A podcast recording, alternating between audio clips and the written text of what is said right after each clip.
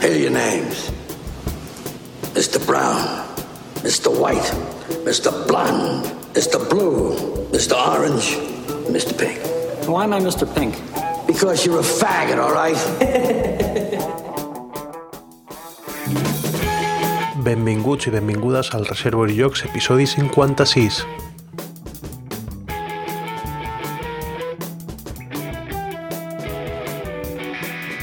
Parla Miquel Jornet des d'un racó de Gavà i us recordo les vies de contacte que teniu amb aquest podcast, que serien eh, el mail a info arroba reservoirjocs.cat, també estem a Twitter com a Reservoirjocs i a Facebook també tenim una pàgina que és Reservoirjocs. També em podeu contactar directament a mi a Twitter i a Twitter soc Miquel Jornet.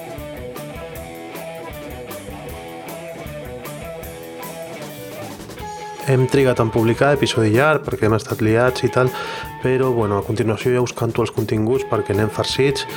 I mira, bueno, comencem al minut 5 eh, amb una visita a Santa Clara Game Consulting Services que és eh, bueno, aquest grup de, de testeig i de, de poliment de, dels jocs de taula que hi ha a Granollers i volíem saber què feien i ens hem apropat per conèixer-los i parlem amb el David Mauri i el Dani Teixidor i ens expliquen una mica millor què fan eh, allà a Santa Clara. Després ja eh, tenim un separador musical pel mig, però ja si aneu directament al minut 32-50 el Jordi comença a parlar de les partides que hem jugat darrerament i parla del Horse Fever, aquest joc de càrrega de cavalls de Cranio que crec que ha publicat ara mateix aquí eh, Morapiaf. Més tard, si aneu al 3815, eh, parlem del Pequeñas Grandes Galàxies, un joc que ja he parlat a, a la ràdio, però aquí aprofundim una mica més perquè tot just l'hem jugat al, al Jordi i jo.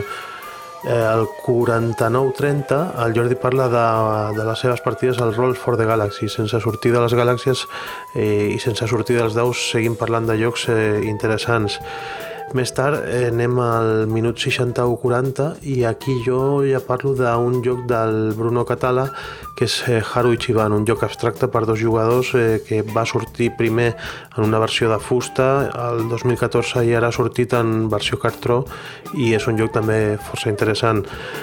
Si continueu al minut 71-40, el Jordi parla d'un joc eh, viejuno que és el Guillotín i sense voler surt a escena al Bar Bestial, que és un joc que publicarà De Vir. Eh, jo vaig fer també ressenya a la ràdio del Beastie Bar, quan només existia la versió anglesa i resulta que De Vir eh, s'ha apuntat al carro i ho treurà també en castellà i així també ho fa més accessible. Si aneu al 77-20, eh, parlo de les meves tres partides al Legendary Encounters eh, en Alien Deck Building Game, amb el Vasco i amb Lilion, un joc que em va fascinar i bueno, explico les similituds que li veig amb el Pandemic i, i bueno, un sistema que, que explicarem una mica més endavant i més en detall al 77-20. I ja per acabar, el minut 87, el nostre home Hearthstone, el Jordi, el Jordi Nadal, explica les novetats que, que estan per venir a, a aquest joc de cartes digital i que esperem amb moltes ganes i, bueno, perquè jo també sóc jugador casual, no tan pro com ell, però, però les esperem, aquestes novetats. Aquí teniu tot el contingut. Gràcies per seguir-nos i, i bé, eh, ja sabeu que també estem buscant possibles col·laboradors, col·laboradores si us agrada parlar de jocs, perquè una cosa és que t'agradi jugar, però una altra parlar de jocs, eh, ens podeu escriure i posar-vos en contacte i aquí totes les veus tenen cabuda. Eh, sí, tenim preferència i ho diem obertament algun jugador o jugadora de Wargames perquè és el que estem més fluixets nosaltres i, i bé, sereu benvinguts, benvingudes si us animeu a participar. Això és una vegada cada mes, eh, mes i mig, no té massa allò i us, assessoram, us assessoraríem també tècnicament eh, pel tema de, del podcasting, vale? Vinga, gràcies i bueno, seguim escoltant-nos i, i participant.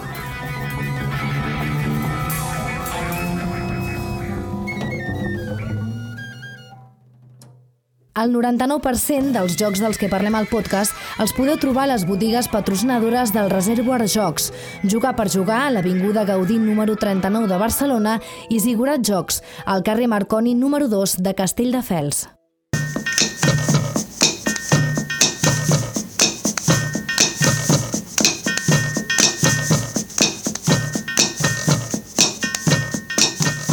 Hem vingut a Granollers, que és una de les ciutats vinculades al lloc, amb el seu festival, també justament estem a la botiga d'Homolúdicus i ens hem vingut a trobar amb un parell d'integrants de Santa Clara, la consultoria de, de jocs de taula. Eh, no sé si igual la coneixeu molt, però és la intenció que volem eh, en aquesta mini-entrevista a dues bandes. Primer de tot parlo amb, amb el Mauri, amb el David Mauri. Què tal, David? Hola, bona tarda. I també a l'altra banda tenim el Dani Teixidor. Què tal, Dani? Hola, com estem? La primera pregunta és eh, si és veritat això de que amb Victus contigo empezó todo.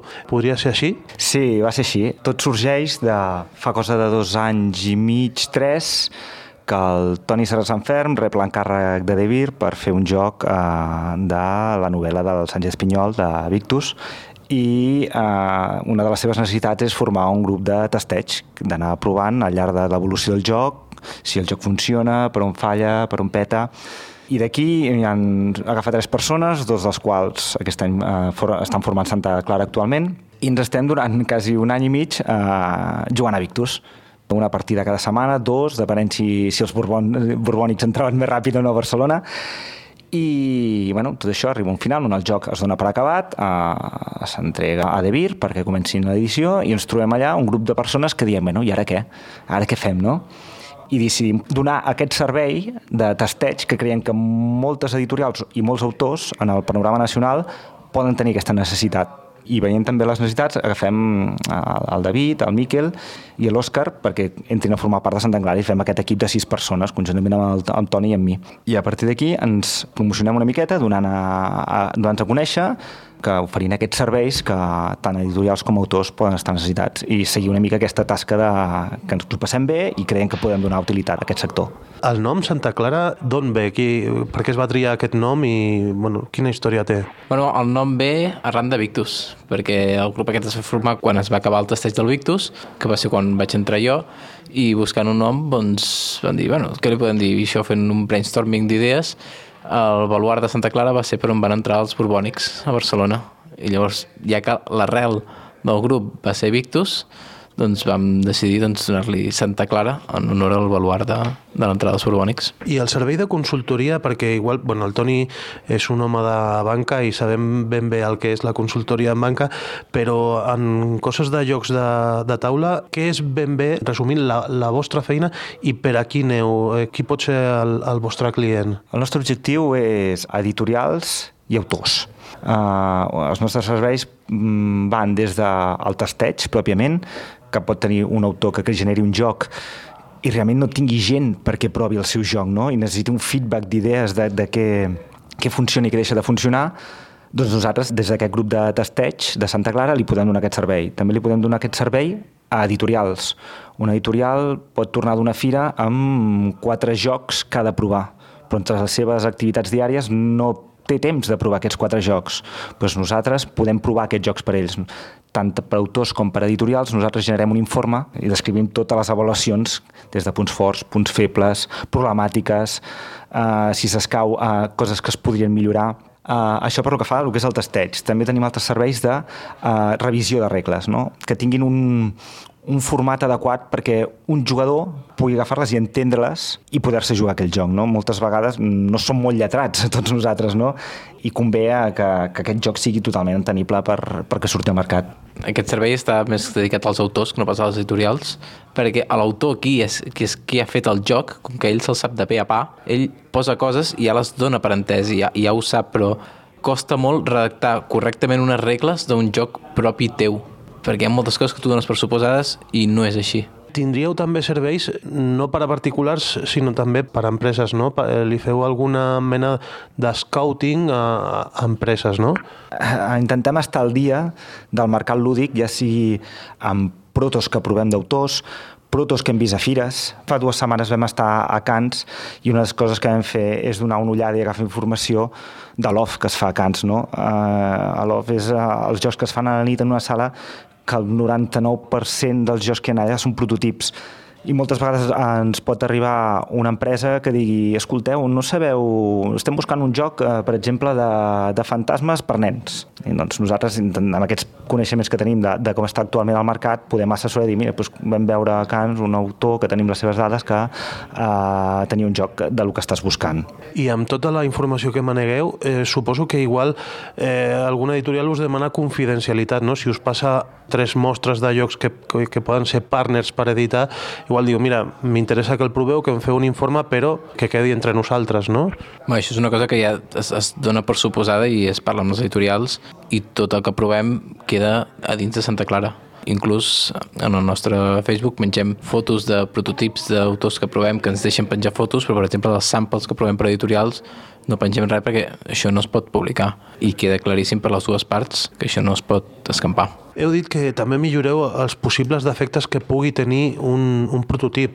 Podeu posar algun exemple de defectes que us pugueu trobar i que li heu passat a lo millor la llima i han quedat eh, arreglats? Intentem ser molt crítics, molt durs en els jocs que avaluem i ens hem trobat de tot, realment. Molta AP en molts jocs que hem jugat, que, que informes a l'autor i li dius mm, un partit amb AP, no, aquí, aquí falla alguna cosa, aquesta mecànica no pots tenir un, una partida ha de ser mogut no pot tenir un jugador durant 3 minuts que no estigui fent res no? uh, jocs de mm, lents que durin eternament dues hores jugant, pots estar, has d'estar menys, depèn del joc. O, o inclús a vegades mecàniques que no funcionen o que no calen.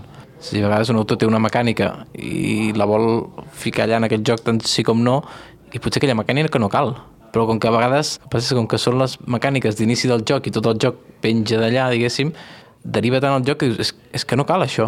Però clar, a vegades un propi autor no ho veu i ha de ser que, algú testegi i li digui, digui, miri, això no, no és necessari.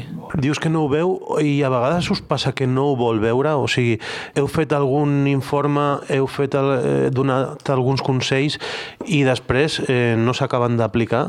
Nosaltres, en, en l'informe que fem, no deixen de ser les nostres opinions. L'autor és qui ha de decidir què vol aplicar i què vol deixar d'aplicar dels inputs que li arriben del seu joc.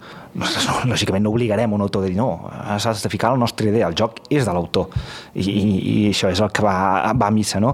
Nosaltres el que fem és donar inputs sobre el, els nostres testejos i les nostres impressions. No deixen de ser pures impressions nostres. L'autor és l'últim que decideix el que aplica i deixa en el seu joc. I si parleu d'impressions, sou un grup, tots tenim gustos diferents. Els gustos personals afecten a l'hora de, de, de la feina que feu? Clar que afecta, vull dir, som, som persones i tenim les nostres... Sí, inclús un dels apartats de, de l'informe són sensacions. Si quan acabem un joc, primer, les sensacions que t'evoca aquest joc.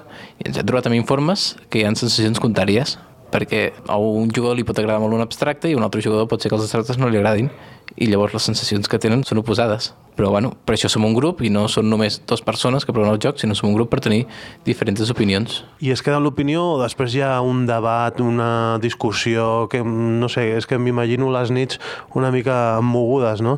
Sí, la veritat és que estem molta més estona debatint que no pas jugant. això, això és veritat.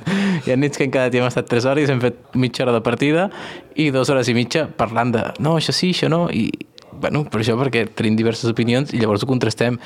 I a vegades això serveix inclús perquè cinc persones opinen el mateix, una persona opina una cosa contrària, ho parlem entre tots i aquesta persona que opina el contrari acaba entrant en raó i diu vale, pues sí, vist com ho veieu vosaltres, sí. Jo crec que un autor que li ha donat el, el prototip a sis tios que l'avaluïn, que li diguem, no, és que hem estat parlant 3 hores del teu joc sense parar.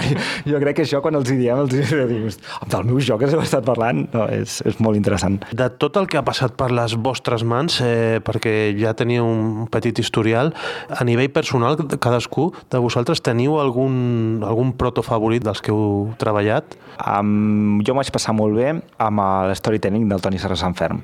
El storytelling és, és un memory, però va una miqueta més enllà en els jocs avançats que té de cada conte. Provant les diferents proves que va anar fent i, i les diferents correccions que anava fent l'autor, com anava ajustant aquestes diferents upgrades del joc, per dir-ho d'una manera, perquè ens deixés de ser un memory i realment fos atraient a que sí, és un memory, però haig d'evitar que la venta focs uh, arribin a les 12 perquè no, no, no sap que m'acabi el joc i em guanyi el joc. No? I això amb els quatre contes que presenta el joc va ser molt interessant. I tu, David? Prototip potser no, però de llicència que vam estar provant per veure si l'editaven és el, el favor del faraón. Clar, el fet de ser un joc ja acabat, teòricament fa doncs, que el joc hagi de ser d'estar bé, i la veritat és que m'ho vaig passar, vaig passar molt bé provant-lo i fent partides per a veure si realment valia la pena editar-lo aquí a Espanya. Una de les coses que feu és la revisió de reglaments. Jo crec que igual és una de les coses més difícils eh, per fer perquè vosaltres sou jugadors avessats i us heu de posar en la pell d'un pare de família, d'una mare que ha comprat un joc i mai ha jugat i s'ha de llegir el reglament. Us és molt difícil fer aquest canvi de pell i posar-te en... Ara no he jugat mai a cap joc de taula i això ho hauria d'entendre mm, d'una llegida ràpida. Ah, és difícil aquesta descentració de, del punt de vista? Ah, sí, has de buidar una mica el que és el cap i agafar el joc com si fossis molt novell. Darrere nostre hi ha molts reglaments llegits, moltes estructures de reglament que a medida que vas fent aquesta lectura vas veient que manquen o, o, o que estan eh, en sobreaccés.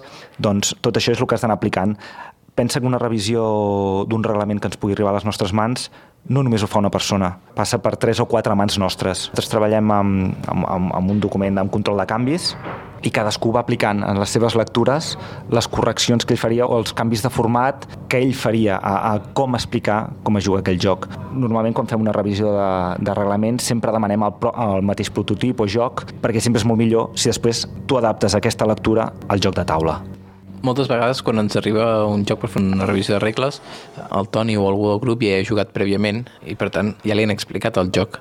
Llavors el que fem sempre és, com que ens arriba el joc per provar-lo, algú del grup que no en tingui ni idea d'aquest joc es llegeix les regles per ell sol i després aquesta persona explica el joc a la resta de jugadors i provem de fer una partida. I així és on veus realment si les regles llegides per una persona que no en tenia d'aquest joc les ha interpretat bé respecte al que li han explicat a la persona que li ha explicat l'autor el joc.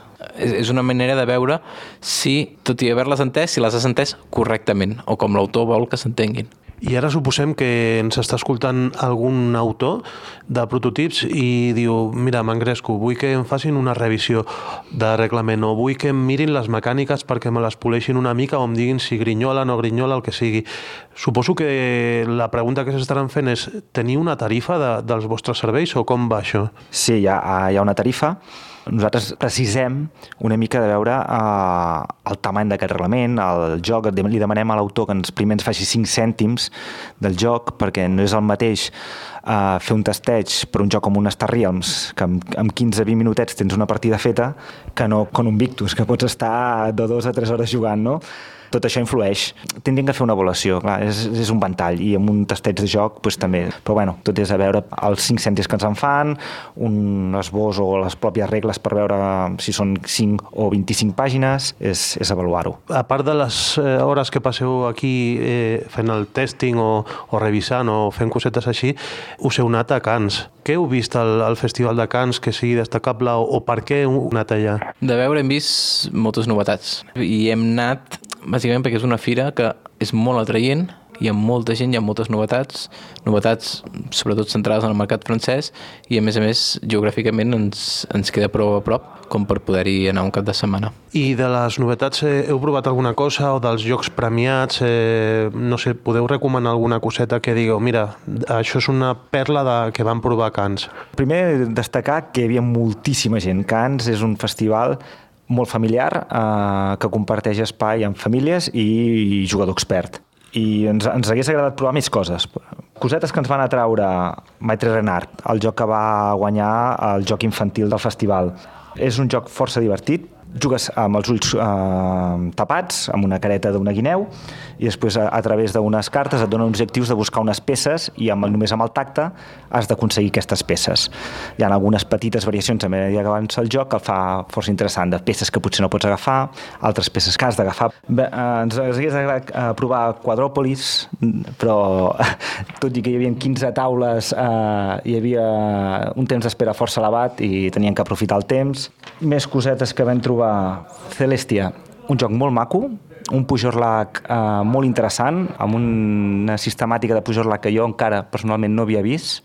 És com un... A veure qui és l'últim que baixa del Zeppelin, no? Era, era un, i, a, I a medida que anaves a buscar, quan baixaves, tenies, anaves acumulant punts i bueno, hi ha el guanyador que era qui, qui arribava a fer més punts. Aquest Celestia crec que és una reedició de- d'un que es deia Cloud9. No l'havíeu jugat mai? No... I suposo que li han afegit el tema del, del Zeppelin i això igual també canvia bastant eh, el tema bueno, i eh, l'estètica del joc i la forma fins i tot igual de jugar-ho.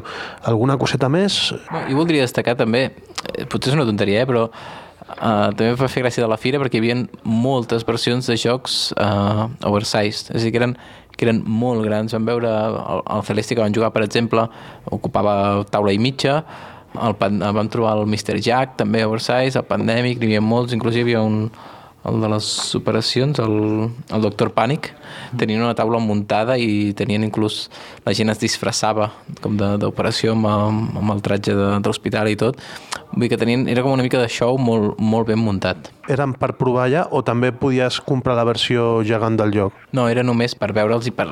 Més que ara per cridar l'atenció a la gent. Després aquests jocs lògicament no es poden comprar, podies comprar la versió normal. Però vull dir que almenys l'espectacle que creaven ho, ho feien molt bé i eren atraients. I dels premis, eh, heu provat tots tres, el, el Pandemic Legacy, el Mysterium i el Metre Renar aquest? Jo no he tingut la possibilitat encara de provar Pandemic eh, Legacy i Mysterium. Encara és allò, haig de trobar el raconet. Veure, eh, aba- abans ho comentàvem, de que el fet de trobar- de- d'estar a Santa Clara juguem molt prototip, juguem algun sample, però ens falten hores per jugar a joc comercial. Ens hem com autoobligat els caps de setmana a quedar sí o sí un dia per jugar a joc comercial i veure les noves tendències, noves dinàmiques, noves, nous jocs del mercat, no? I potser un, un Pandemic Legacy o un Mysterium un dia d'aquests tindran que caure. Pandemic tindrem que agafar unes quantes setmanes, per... però sí, sí, ens, ens hem d'autoobligar a jugar. De moment ja els tenim, ara el que ens falta és tenir temps per poder-lo jugar. I ara us poso entre l'espasa i la paret. Què passaria si un autor fa un joc tipus Legacy i us el dona perquè el testelleu? Això només podríeu fer una... Eh, una és que, clar, és, és un tema complicat. No, no us heu trobat mai amb, amb, amb productes així o d'aquests jocs que es cremen i que, i que ja no podeu fer un altre cop al testing, no? De moment encara no ens hem trobat, però, bueno, ja, ja arribarà el dia, potser. Li, li demanarem 15 prototips a l'autor perquè a mesura que el anem provant i el anem cremant de dir no, això no funciona, ho hem de canviar. I a Cans us veu trobar amb cares conegudes o autors que vau conèixer gent interessant, fer contactes... coneguts de- d'aquí. Eh, Vam estar parlant una estona amb el PAC, que, que tenia estant, de, de GDM. La Lluer vam estar una estona també parlant amb ell, Pau Carles, vam veure Christoph també vam estar parlant, mira, el Christoph són els que sortien de la partida de Quadròpolis i ens van estar explicant una miqueta com els hi havia anat. Ens van recomanar molt el Shakespeare, aquest queda, ens quedarà pendent a la llista de, de provar-lo. També vam aprofitar una mica per fer contactes. Ens va sortir una nova feina, diguéssim, allà, a Cans, d'una persona d'aquí d'aquí a Catalunya, que ens van trobar, ai, escolta, que, que tinc un joc i tal, el reclamen i això, i mira, va ser, va ser la manera de... ja estem parlant per, per internet i està, està la feina, diguéssim, en, en procés. I comparativament amb, amb altres festivals que ja vosaltres coneixeu, com veieu que està Cans? S'assembla al Dau? Bueno, o al Dau s'assembla a Cans perquè és eh, primer Cans i després al Dau. Per volum, Cans és molt més gran i quasi que s'assembla una mica més a Essen que no pas a les DAO, per volum de, de grandària, volum d'estants i volum de gent. De totes maneres, per funcionament potser s'assembla una mica més a les DAO, perquè Essen és més anar a comprar molts estants, moltes ofertes i molt estoc, però, però poques taules, mentre que Cans hi ha bastantes taules per jugar, tot i haver-hi molta gent, i és una mica més com les DAO. I potser Cans és un reflexe de com hauria d'anar evolucionant les DAO. Jo suposo que també va una mica d'acord amb, el, amb el mercat francès. El mercat francès és un mercat potent, té molta gent, jo crec que ens porten uns set anys de una mica endavant amb, amb el, tot el tema dels jocs de taula. Sí, és, un, és un, una mica com deia el Mauri, un, un mix entre les DAO, perquè el DAO també té moltes coses bones, que potser sent, ai, Cans perdó, no, no té, però no deixa de, de ser do- do- una fira entremig de les dues. Ja que estàveu allà a França, vau veure si allà es movia algun tipus de gent que fes el mateix que feu vosaltres? Hi ha un Santa Clara francès o, o hi ha serveis així? O no sé si vau trobar algun estant amb gent que es dediqués a, a fer testing i aquestes cosetes que feu vosaltres? Que nosaltres sapiguem, no, o no ho vam veure. Que hi sigui o no, això ja no ho podem assegurar. Igual és a nivell domèstic i cada autor té el seu grup de, de, de testing, no? Per lo que hem anat parlant amb, amb autors, a mesura que hem anat avançant les tasques de Santa Clara, a un autor li costa molt trobar gent que provi els seus jocs. Realment eh, és molt difícil poder disposar de sis persones que puguin fer un seguiment a un joc com a autor que tu vols eh, provar. Mm, en un cercle com Barcelona, capital, que el número de jugadors és força elevat, crec que no ha de ser un problema, però mateix un jugador que pugui estar en un lloc que no tingui tant, un nivell tan alt de població, que el volum de jugadors sigui més reduït, que siguin assidus a que puguin provar aquell joc i anar-lo provant i anar-lo provant, jo crec que això és força complicat. Ens hem trobat amb autors que diuen, és que jo només puc provar els jocs quan quedo amb l'associació de, de Ludo. És clar, perquè hem de de tant en quant, o jo només ho provo amb els amics, però clar, els amics acaben de jugar, ah, però sí, està bé, no, doncs això no m'agrada, i ja està. I a vegades necessites gent que t'ho analitzi una mica més i et digui, ah, això no està bé, però per què no està bé? I si cal, què canviaries o com ho faries perquè no estigués bé? No només m'ha agradat o no m'ha agradat, això és només una opinió. A Dau Barcelona vam trobar autors que només podien anar provant els jocs de fira en fira perquè a la zona on vivien no tenien un grup de, de jugadors i potser hi havia molt gent de Màgic, gent de Warhammer, però mm, aquest grupet de gent no són molt fidels als jocs de taula. Del temps que porteu treballant, heu alguna cosa que, per exemple, us hagi sobtat o alguna feina que heu rebutjat perquè directament veieu que no té sentit o, o coses així? Suposo que us trobareu gent de fora, per exemple. Eh, anècdotes heu tingut vàries, no? Hem tingut un client de Corea. Hem, hem treballat pel William Judd, eh, que en vam fer un, un living car game, tenia un prototip d'un living game i vam estar en contacte amb ell, ens el va enviar vam fer l'avaluació, vam fer els seus testejos, un contacte amb la distància, va acabar content i seguim allà en contacte, que qualsevol dia potser ens torna a venir algú de Corea. I coses desastroses, per exemple? No, a veure, desastroses no. A veure, ens hem trobat algun joc que està molt pitjor del que ens esperaríem per un prototip, però a veure, no, fins ara de moment no tinc cap, cap desastre, per sort. I ja per acabar, com valoreu la, la feina que fan els concursos de, de creació de llocs? Creieu també que, que és una cosa que us pot retroalimentar vosaltres amb, amb feina, amb volum de feina o amb... Mira, pues, eh, no he quedat finalista, però vull venir perquè crec que el meu lloc té sentit i té possibilitats eh, de millora. Mm, com ho valoreu? Creieu que hi ha massa pocs, eh, massa concursos? Jo crec que un autor Uh, la seva passió és crear un joc. Independentment dels concursos que hi hagin a, al sector, mm, ell crearà jocs. Podríem arribar a dir que un concurs pot ser un petit incentiu que li pot donar per dir, doncs pues mira, mm, anem a veure què tal, no? de, a veure què tal el meu joc, quin impacte té, no? si realment he pogut passar la primera fase, si he arribat a la final, uh, una mica amor propi, no? de dir, ostres, doncs mira, el meu joc ha arribat a la final. Uh -huh. Però quan més n'hi hagin, bueno, millor. Jo crec que millor pel, ja no només pels autors, sinó pel sector, perquè mm, donar vida, donar caliu, però no crec que apareguin, per exemple, més autors per més concursos que hi hagin. L'autor és, és una vocació, crec que no tothom està preparat.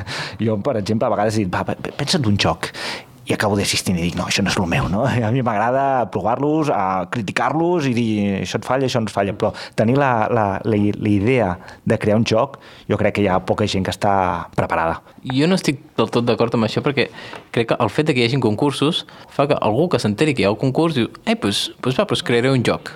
I segurament d'aquesta gent que de per si diu, ai, doncs, com que vaig a crear-lo, la majoria o no l'arribaran a crear, o serà un desastre, o, o és que ja ni el presentaran al concurs, però segur que n'hi ha alguns que arran de veure el concurs han creat un joc i aquest joc potser realment funciona.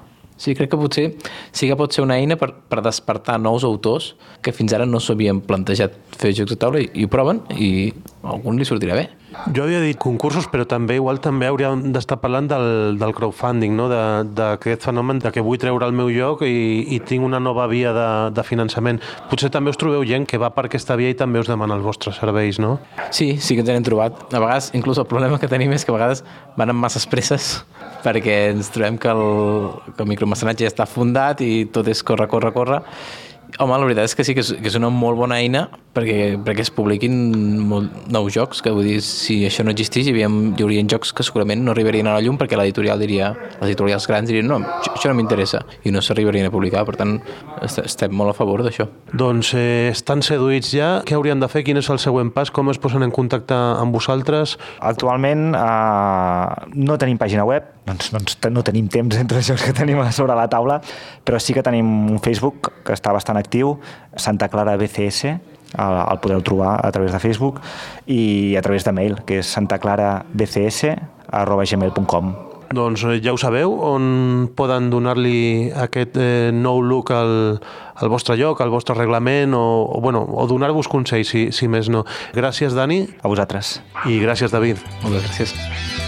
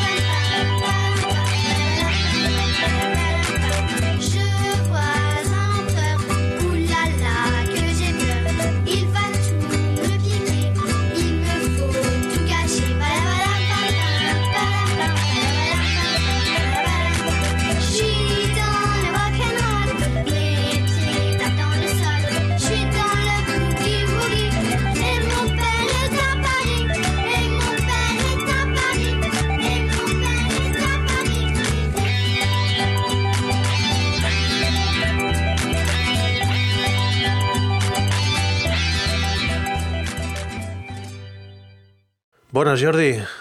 Ei, molt bones a tots. Bueno, ja estem aquí amb el 56, s'ha fet esperar aquest episodi. Com ho portes? Estàs ja a Hongria o què? Sí, sí, per aquí, per Hongria, i de fet ja tornaré definitivament aquest any a notícies fresques. Bueno, bueno, pues... Ja per jugar més aquí, home. A veure si també juguem plegats. Eh, L'Urco s'ha excusat perquè tenia compromisos socials, estava amb uns amics i tal, estem gravant aquí, un, és un diumenge, no sé quan sortirà l'episodi, Tu has jugat molt, eh? Has tingut molta sort i has jugat. No em puc queixar, no em puc queixar. Li han fotut bastanta canya als jocs de taula. Bueno, jo, jo he jugat poquet, mmm, lògicament. També ara, al Descobrint Jocs, la secció de la ràdio va una mica en càmera lenta també, perquè el Jordi, el, el periodista que està a la ràdio, també ha sigut pare d'una nena, molt mm. maca també, es diu Ona, i anem, anem poquet a poquet, i ara reprenem. Fantàstic, fantàstic. Havíem quedat en fer, en fer un parell o tres de jocs cadascun dels que hem jugat eh, darrerament i que ens han cridat l'atenció per alguna cosa o per l'altra, no? Si vols començar tu per algun d'aquests. Mm, vale, doncs ja que em deixes començar, m'agradaria parlar del Horse Fever, eh, aquest joc de dos italians, eh, Lorenzo Silva i Lorenzo Tuzzi Sorrentino, uh -huh. ja em perdonaran. Eh, joc que no, bueno, no és molt popular, a la BGG està el número 939, bàsicament un típic que no és res de l'altre món, però no sé, jo i amb els meus amics el vam disfrutar moltíssim, cridant com animals allà a les carreres. Bàsicament és un joc així que té una part de, de management, de, de, tens accions i pots millorar com les teves quadres, dels, amb els que pots comprar cavalls, pots comprar millores pels cavalls, tios que t'ajuden i, i també pots comprar com trampes per fer a les carreres. Després ve la, la part de la carrera en si, en la qual pots, has de fer postes i després jugues aquestes cartes com per fer trampes, com per que alguns cavalls vagin més ràpid o altres més, més lent i després una altra ronda d'apostes i després ve la carrera en si, que és quan més crits pegues i es van tirant taus i, bueno, té la seva emoció i no sé, el vam disfrutar moltíssim i realment no és res d'altre món, però jo crec que en el grup de joc adequat pot donar molta, molta vidilla, la veritat. Mm, a la, a la BGG posa que està inspirat en, en les novel·les negres dels eh, 1930. Deies eh, fora de micro que l'estètica, l'art, eh, t'havia impactat, no? Sí, sí, només per l'art és que ja... O sigui, només per la caixa la podies comprar i emmarcar, perquè és que és xulíssim. És rotllo de riure, eh? no són cavalls que siguin de veritat. O sigui, són cavalls superlletjos, eh, que el cos és com molt gran i les potes són quatre, com quatre escuradents, allà corrents amb les dents com molt... No sé, són molt, molt graciosos. L'art és, és fantàstica. Bueno, a mi m'agrada molt. Us, us recomano que li doneu un cop d'ull. Posa 90 minuts de temps de partida, és això el que dura? Mm, la primera, la veritat és que es fa feixuc perquè es fa com tot molt complicat però després te n'adones que és molt, molt senzill. Però el que passa és que, és que hi ha com moltes fases. És segurament les raons per les quals eh, no està més amunt al rang de la BGG, perquè les primeres partides són com una mica feixuc. I ara quina, quina fase és? No, ara hem de comprar això. I després, ah, ara has de fer això. Hi ha com moltes fases i tal, i les cartes que compres... O sigui, és poc net. Eh, no, no, no és una agrícola allà que tot funcioni perfectament allà, la, ma la maquinària. No, o sigui, té, té aquestes cosetes, però jo crec que sí que pots arribar en 90 minuts, però ja la primera es va allargar. La primera partida es va allargar força. Coses eh, positives, has dit que igual, bueno, l'art i que amb el grup adequat funciona com un tiro, és això, té la part que és més de xitxa, més Eurogame, més de comprar accions, millorar els teus, o comprar cavalls, millorar els cavalls, comprar cartes i tal, i després té la part emocionant de pura aposta. Clar, tens cavalls, però no, no tens per què apostar els teus propis cavalls. Llavors, també fins i tot té faroleig. Jugues cartes a un cavall i la gent es pensa, i és el teu cavall, la gent es pensa que són cartes bones i la gent aposta pel teu cavall i tu, de fet, el que estàs fent és tirar-li cartes dolentes als seus cavalls perquè es juguen secretament management. O sigui, té com una mica de tot, la veritat. Té el hand, bueno, no hand management, perdó. Aquest rotllo d'administració, després té postes i faroleig. I, I té la part de locura de que els cavalls van avançant, que és un sistema de cartes i de daus.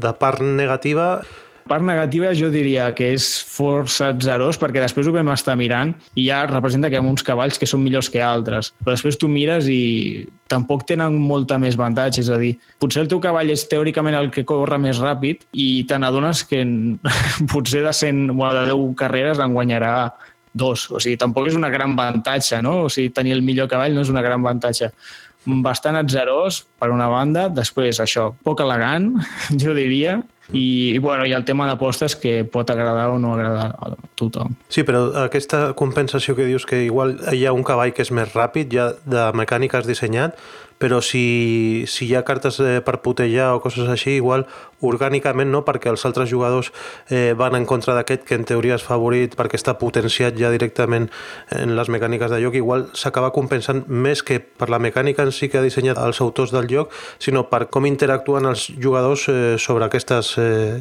clar, clar, clar, sí, sí, ja t'entenc, no? típic, no? És que tinc un cavall que corre molt i tal, doncs la gent et comença a putejar Exacte. perquè no corre. Però és que també el que pot fer la gent és tirar una carta que tothom es pensi que l'estàs putejant, però l'estàs beneficiant i després apostes per ell. Perquè estàs apostant per ell, sí, sí. Clar, vull dir, està molt guai perquè és el rotllo. Primera ronda d'apostes i tu pots apostar a cavall guanyador o als tres o que farà podi. Després, jugar en cartes, tu veus tothom on ha jugat una carta o dos i després una altra ronda d'apostes, i aquesta és la més interessant, no? després d'haver jugat les cartes. Sí, es pot, es pot compensar fàcilment una mica per als jugadors eh, putejant-se entre si i tal. Però bueno, no, o sigui, una mica la, la crítica és, no sé, falta una mica depuració de, de les mecàniques i que es fa una mica feixuc, però si t'agrada el rotllo apostes, t'agrada el rotllo carreres i els cavalls i tal, jo crec que aquest joc, eh, bueno, i l'art sobretot, si t'agrada l'art, jo crec que t'encantarà aquest joc. A veure què portes tu. Hi ha bastants jocs de cavalls, però aquest és una bona recomanació. Jo, bueno, si vols parlem d'un que, que tu també volies parlar, que sí. és el Pequeñas Grandes Galàxies, que ha tret de Vir, ja té un temps. Eh, nosaltres, eh, jo l'he jugat fa un temps, però recordo molt bé de, de què va i fins i tot jo crec que el portaré a la ràdio perquè és un joc mm, per a mi bastant ressenyable. Eh, té coses molt bones i, i té algun, algun petit defecte també i, bueno, no sé, jo crec que, que podem parlar d'això de, sempre, un, perquè jo crec que no hi ha jocs perfectes No, i, i direm coses bones i coses dolentes. Tu, que l'has jugat, no sé, has fet moltes partides o què?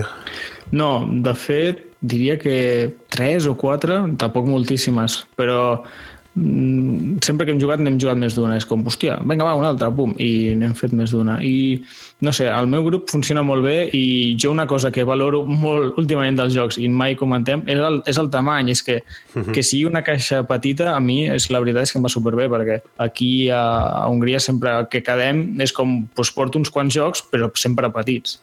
De fet, em vaig comprar el Colt Express i no el juguem pràcticament mai perquè no m'entra a la motxilla. Clar. És com, "Jo, ara, és una tonteria, hi ha gent, ah, a mi m'és igual el tamany. Bueno, doncs a mi sí. I, I la veritat, tenir un joc que dura aproximadament una hora, amb una profunditat eh, no molt alta, però jo diria mitja, tirant alt, i bueno, té el rotllo dels daus, que sempre, que sempre mola. És, és la classe del joc que vaig jugar i vaig pensar, aquest joc me'l podria comprar, perquè el puc portar fàcil, és petitet, dura una hora, que jocs d'una hora no en tinc molts, i és de daus, que tampoc en tinc gaires de daus, o sigui, és allò que, oh, doncs mira, doncs... I els daus, no sé si et van agradar a tu, però a mi em van semblar preciosos. Sí, sí, estan, estan molt bé. Tot, tot funciona, fins i tot la, la mateixa capsa serveix per tirar els daus. I, Mm, Sí, sí, sí. I- L'espai està amortitzat al màxim. Sí, sí, això s'agraeix molt. És, eh, perquè la gent es faci una idea, és, la capsa és com si sigués una del Catan de daus, eh, més o menys, eh? I, i aquí Sí, va tot, van moltes cartes. La temàtica a mi també m'encanta, això de colonitzar planetes i, i que sigui així tan portàtil, mola molt. I té la certa rejugabilitat no, dels planetes, eh, si et surten uns a una partida Clar. serà mm, d'una forma, si et surten uns altres... Jo, a les diferents partides que he jugat, jo volia que em sortissin planetes nous per veure el que feien, no? Suposo que a tu et va passar el mateix. Sí, sí, a, a veure, i, i hi ha bastantes, hi ha més combinacions del que sembla. Al principi sembla com que, bueno, els planetes sí, vas agafant, però, bueno, pots, si agafes certs planetes, pots fer unes combinacions, pots fer petits combos, crec jo. Tampoc és una cosa que acabis amb 50 planetes conquistats o explorats, com li vulguis dir, però sí, es poden fer combos xulos i la veritat no és per fardar, però és allò de les primeres partides que no t'enteres i després, hòstia, doncs falla això i després falla allò i, i la gent com, hòstia, hòstia, com mola, no? Com la, la de coses que es pot fer en aquest joc que no me n'havia donat. Està molt xulo, també té objectius secrets, que són els que et poden donar una petita puntuació cap al final i decantar una mica la partida. Això és una mecànica que es fa a molts jocs i que en aquest també funciona, no? A mi una mecànica que em va agradar molt, ara m'acabo de recordar, o sigui, el tema, expliquem un minut com es juga. Sí. És una espècie de llatge, és a dir, tires uns daus, cada cara és una acció, no? Podríem dir. Sí. i tires els daus i pues, bloqueges els que vols, retires els daus un altre cop. Hi ha dos recursos i un d'aquests recursos serveix per tornar a retirar daus, no, Miquel? L'energia, crec que era. Era per retirar daus i després tens una, uh, un altre recurs que m'agrada molt, que és per copiar daus, copiar accions d'altres jugadors. Llavors, La cultura. Aquesta, eh, sí, la cultura. Aquesta mecànica està superbé perquè el que fa és que no puguis cadascú jugar la seva partida, que és una cosa que a vegades passa, no?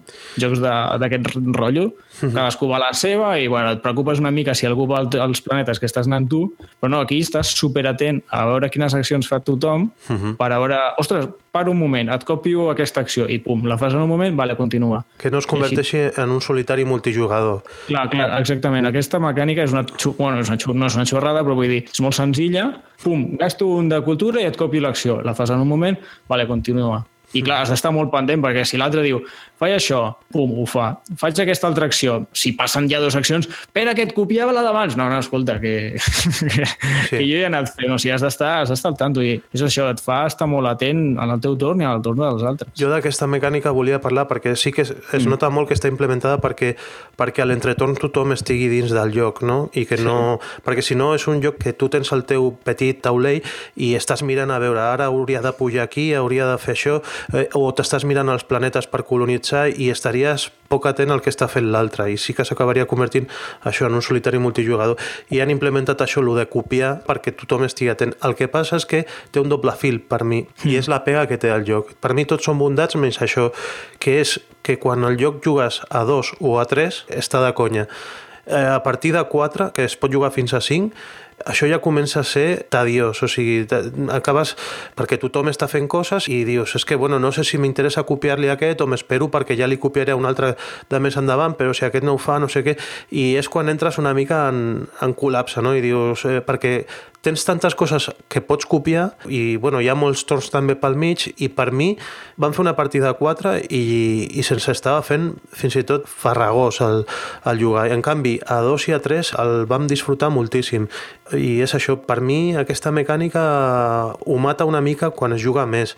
En canvi, quan es juga dos o tres per mi és gloriós el joc i fins i tot té la possibilitat de jugar en solitari que jo encara no l'he jugat en solitari però ho vull provar perquè té com diferents nivells com una mena d'intel·ligència artificial que té el joc i has de jugar contra ella i tal. A mi el, el tema és que sempre l'he jugat a 3 i llavors això no em va passar. Però sí que havia sentit la ressenya d'algú d'això, que se li feia massa llarg per la poca cosa que el joc és. Mm. Que evidentment és un joc petit, són uns quants daus i, i unes quantes cartes que són planetes i ara agafo aquest planeta i ara agafo aquest planeta i ja està. O sigui, tampoc que ningú s'imagini la, la gran no, no. conquista de la galàxia. Vull dir, els recursos són limitats però clar, els recursos limitats i que se't faci tediós és com una mica contradictori, no? Quasi que el podríem recomanar per dos o per tres, aquest. Dos, a, dos o tres, eh? Amb dos o tres és, és, un, és fantàstic. Però ja et dic, eh, és que nosaltres eh, fins i tot es juga a 21 punts, quan s'arriba a 21 punts es tanca la partida i es, i es comprova a veure qui ha guanyat i tal. I bueno, nosaltres ho vam parar abans quan estàvem jugant a 4 perquè dèiem, és que també van arribar els nens perquè tenim canalla i tal i estàvem mirant a veure què fèiem allà i vam dir, mira, ho deixem, contem ja i a veure qui ja ha guanyat està. i ja està. Perquè és que sí, era un caos, o sigui, intentar saber si, si copiaves ara una acció o t'esperaves o et guardaves el recurs de la cultura per més endavant o el que sigui. I, bueno, i ja. la gràcia també és que els recursos de la cultura i de l'energia un és fàcil d'aconseguir, que és l'energia, mm, normalment vas bastant sobrat, però l'altre és, és més eh, complicat. No sé si, si vosaltres ho heu notat. I... Sí, sempre és una mica més complicat la, la cultura, bàsicament perquè l'energia al teu propi planeta te'n pot donar, però en mm -hmm. canvi la cultura no, la cultura has d'anar a altres planetes. Però I, també sí. crec que de cartes de, de planetes i tal sempre és més fàcil aconseguir energia que, que no pas cultura. La cultura, o dependrà també de les partides que ens han sortit, però jo, per exemple, vaig jugar amb el Vasco i el Fran i, hòstia, la cultura estava cara i era molt guai això perquè deies, mira, amb l'energia que puc fer rerolls i això feia també que no sigués tan dependent de les tirades, no? Si tens energia sempre pots tornar a tirar i fins que et surtin les accions que més o menys vols fer i tal.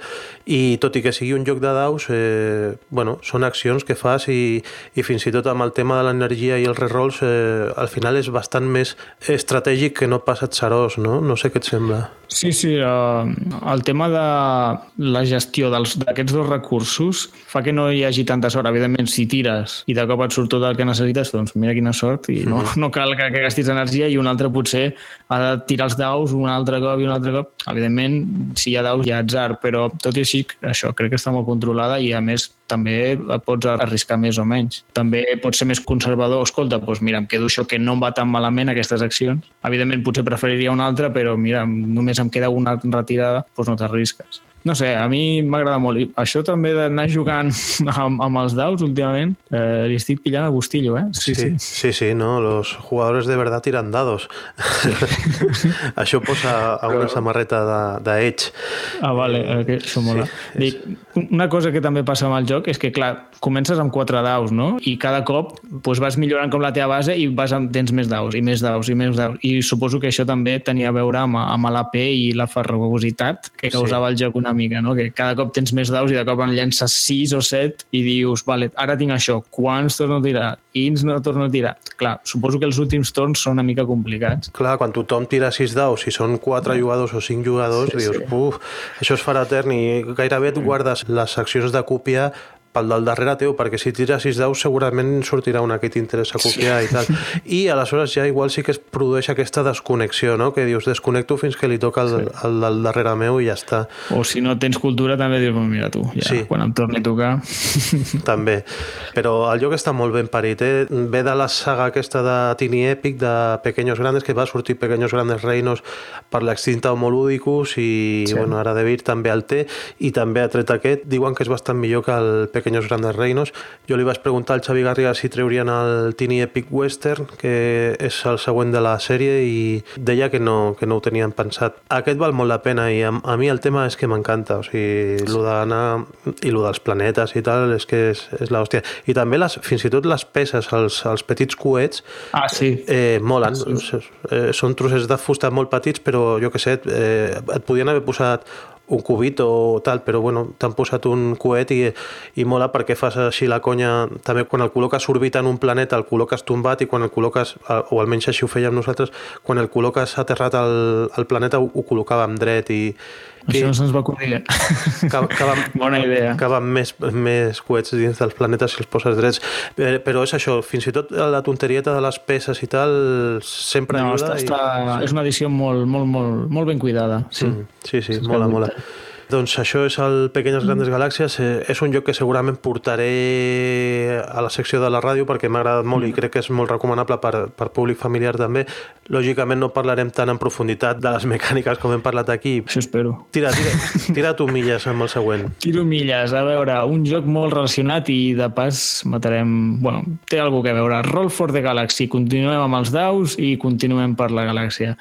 A veure, i només li he fet dues partides, però també em va agradar moltíssim. Pros i contres comparat amb el Tiny Epic Galaxies, que realment mm, la mecànica no té res a veure, però bueno, hi ha daus, hi ha galàxia i uh -huh. El Roll for the Galaxy s'assembla moltíssim, per no dir que és exactament el mateix, que el Race for the Galaxy. No sé si hi has jugat, Miquel. Crec que una partida. El Race for the Galaxy mm, està bé, és un joc de cartes i la veritat és que està superbé. Jo he jugat molt, però a la Board Game Arena, perquè a dos jugadors funciona superbé i fas partides de 7-8 minuts -huh. tranquil·lament. És com un I- San Juan, però amb tema galàctic. Sí, sí, és això. Bàsicament, tu escolleixes una acció secretament, ell escolleix una acció secretament i després els dos feu les dues accions. Uh -huh. bueno, a dos jugadors és diferent perquè tu escolleixes dues accions, però Sí. si jugues 3, 4 o 5, això. Tu escolleixes una acció per fer, cadascú escull una i després està el rotllo aquest de mm, aquest té aquestes cartes jugades, jo crec que jugarà tal, eh, aquell té tal, jo crec que jugarà tal, llavors jo puc jugar qual, i bueno, eh, per aquí va l'estratègia amb el Race for the Galaxy. Això és exactament igual,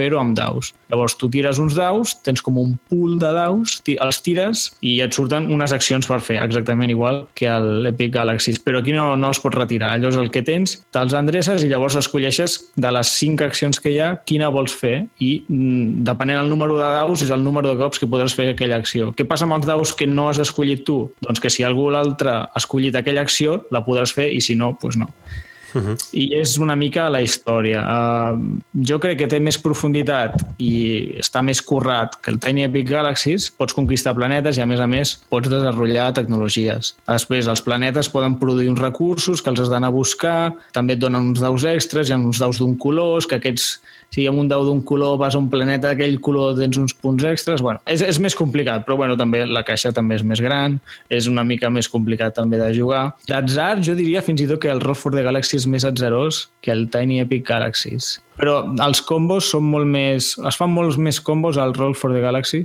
perquè ja el, el Race for the Galaxy era un joc de combos total. O sigui, era pues jo tinc molts planetes marrons i cada cop que produeixo un planeta marró guanyo una carta i cada cop que no sé què venc recursos marrons tal i just he guanyat el, el desenvolupament dels planetes marrons, o sigui, començaves ja a especialitzar-te i era un no parar. A més, podies com buscar les cartes que necessitaves. Aquí és exactament igual. Potser es poden fer una mica menys de com buscar el de les cartes, a mi em va donar la sensació, però bueno, és la meva sensació després de dues partides. Aquests, eh, aquests jocs se li diuen de, de crear-te la teva màquina, no? És, eh, Sí. és un San Juan, suposo. Sí, sí, el el que passa és que no he jugat al San Juan, però pel que dius, eh, doncs sí, et vas com muntant el teu xiringuito, Exacte. per dir-ho manera, doncs, pues ara tinc molts planetes d'aquest color i, i els venc i tinc molt, m'ha donat molts daus i, bueno, bàsicament els daus aquests són com els treballadors també i quan conquistes planetes, doncs, alguns et donen daus, altres et donen altres coses, clar, com més daus, més accions, bàsicament pots tirar per diferents direccions a, a l'hora de fer l'estratègia, que també està molt condicionat per les cartes que vas pillant. Però no sé, em va donar molt bones sensacions, a mi em va agradar moltíssim. Preguntes. Porta un fotimer de daus, no? Buf, moltíssims. Molts. La qualitat què tal? Pitjors que el Tiny Epic Galaxies, però molt bonics. Perquè- Molt, molt, la diferència és que a Tiny Epic Galaxies eren color marmori, pot Sí. ser, verd, amb relleu. Aquests són colors eh, llisos i sense relleu, però no es veu una enganxina a, a sobre. O sigui, És pintat, sí. és pintat, però no té aquest relleu que és qualitat màxima per mi. És un color, jo diria mate, i amb negre pintat a sobre pues, la- l'acció que sigui. I I les accions són més senzilles. Després la iconografia, perquè estic veient fotos a la BGG, bueno, una que hi ha tots els daus així posats. O sigui, saps el que jugues? O sigui, o has de fer un màster primer? No, no, és molt senzill. Clar, al, principi et pots sobresaltar, no?, tantes, tants iconos, tantes, tantes històries, però jo crec que vam aprendre a jugar en 15 minuts, com a molt. Vale, vale. Eh, tots els iconos que estàs veient són les cinc accions que hi ha i hi ha una... I clar, tots els daus tenen sis cares. La sisena acció, bueno, la sisena cara és un asterisc que pots escollir la cara que tu vulguis. Ah. Mm, a part d'això, bueno, hi ha alguna cosa que és tradear i consumir que et pot liar una mica. No, és que això no és vendre, això és comerciar. Però quan t'acostumes és molt senzill. I però és que passa exactament el mateix al Race for the Galaxy, que a, a vegades et pot semblar una mica liós, també a vegades les cartes et surt com il·luminat com la zona on quan s'activen, però això, clar, si no ho saps, no, no estàs al·lucinant com dient què passa al tercer torn? No, no, no ho entenc.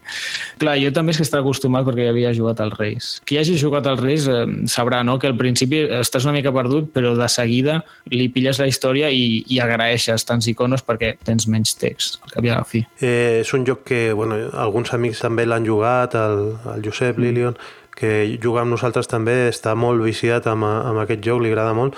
Eh, mm. El que passa és que crec que se'l va acabar comprant, però que val una pasta. Ah, mira, això no ho sabia. No era teu, era d'algun de, No. dels hongaresos? O... Sí, sí, un amic, un amic hongarès que no sé si és mafiós o és un traficant de jocs, però cada setmana ens en porta un de nou i a la setmana següent diu que ja l'ha venut i ja n'ha comprat un altre. O sigui, Hòstia. va comprant i venent cada setmana. Cada setmana. I amb la tonteria va provant. Sí, bueno, i jo surto beneficiat. Sí, I el, i sí, podcast sí. espero que també. Que, que no has de fer, no has de fer tots els... Sí, sí. Jo li dic, dic, home, pels preus que em diu, perquè a més sempre no sé com, els treus superbarats. Dic, jo pels preus que em dius en compraria més, però és que són més un problema que, que una altra cosa, perquè els tinc aquí, després els he de portar allà i el que em costa l'extra de pes de la maleta és el que em costa... Bueno, no té cap sentit anar-me a comprar molts jocs aquí. Mm. Una altra cosa que volia dir, eh, una petita avantatge d'aquest joc enfront del Tiny Epic Galaxies.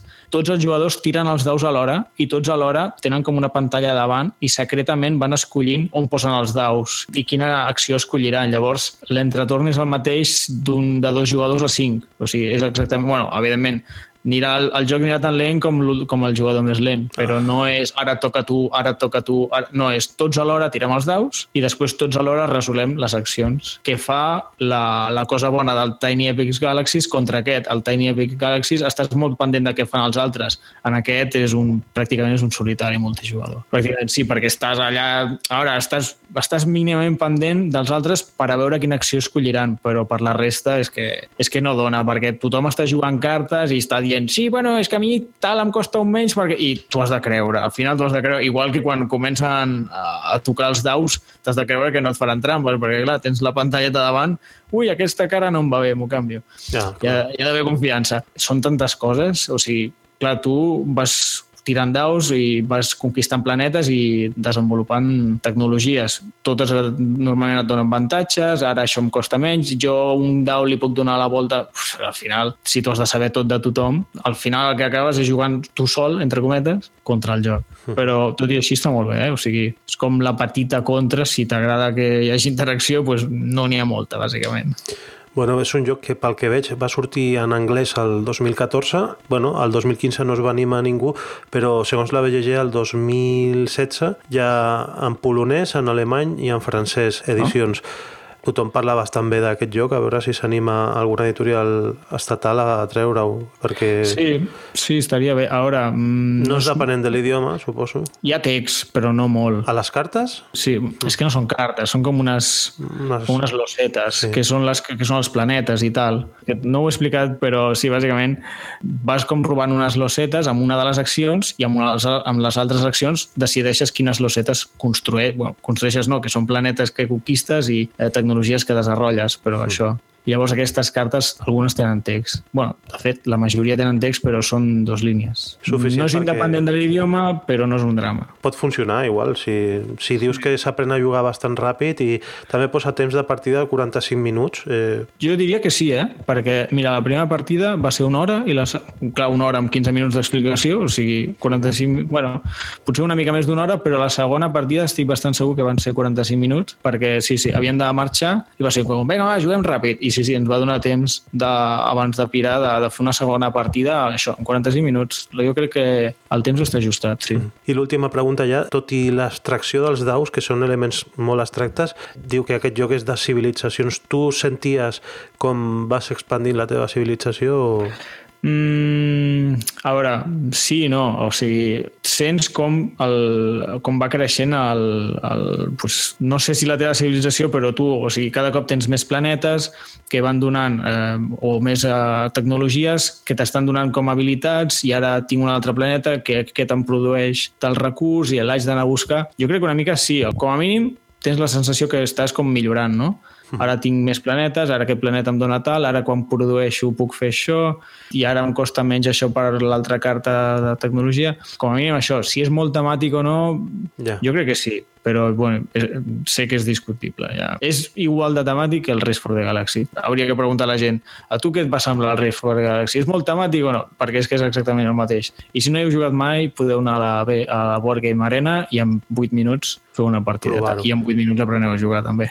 Igual també és depenent de, del grup, no? I el veus més temàtic si un tio juga i diu ara conquereixo això i, i, va narrant una mica el que va fer. No, ningú ajuda ara conquereixo això. I, i, I no només això, és que tu pensa que, clar, o sigui, tothom tira els daus a l'hora i comença a escollir l'hora i de cop hem acabat tots? Sí, pum, ensenyem.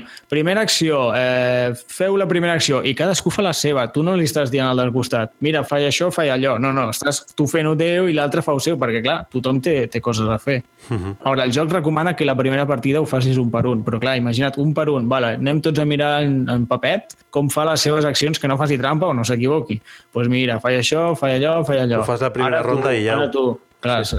seria molt més llarg el joc. Bueno, també li prestaríem més atenció als altres jugadors, però clar, és que si no estem, vinga, eh, acció d'explorar, doncs tots a agafar cartes, vinga, agafar cartes, tots a llegir les meves. No, és que no estàs pendent dels altres, no. No et dona temps en aquest sentit. I és estressant? Et pots estressar veient que estàs perdent, però el joc en si no és estressant. Vale. I controles que estàs perdent sempre eh, o hi ha uns punts que després eh, cap al final Sí, igual? sí, clar, o sigui, quan... Uh, bàsicament el que et dona punts són uh, els planetes i, els de, i les tecnologies té, són, són punts, ja surt sobre la taula, pots veure fàcilment, fàcilment quants punts té cadascú i, a més a més, un dels recursos. Quan els vas a buscar, els pots vendre, que et doni diners, que els diners és per treballadors, o et pot donar punts de victòria, que allò només serveix només per guanyar la partida, només, com si no fos important. Uh -huh. Pots veure fàcilment qui està guanyant, no, no és complicat. I és l'únic que et pot estressar, però, no sé, jugues per a veure com de maca et queda la civilització, entre cometes. No, no, si ja veus que no vas a guanyar, doncs, bueno, ho estàs disfrutant, tiro el dau, ara em toca això. Bueno, molt bé, pues, eh, si vols passem a un dels meus. Sí, sí, que necessito respirar. Eh, jo vull parlar del, del Haru Ichiban, que és un joc de, uh. del Bruno Cazala.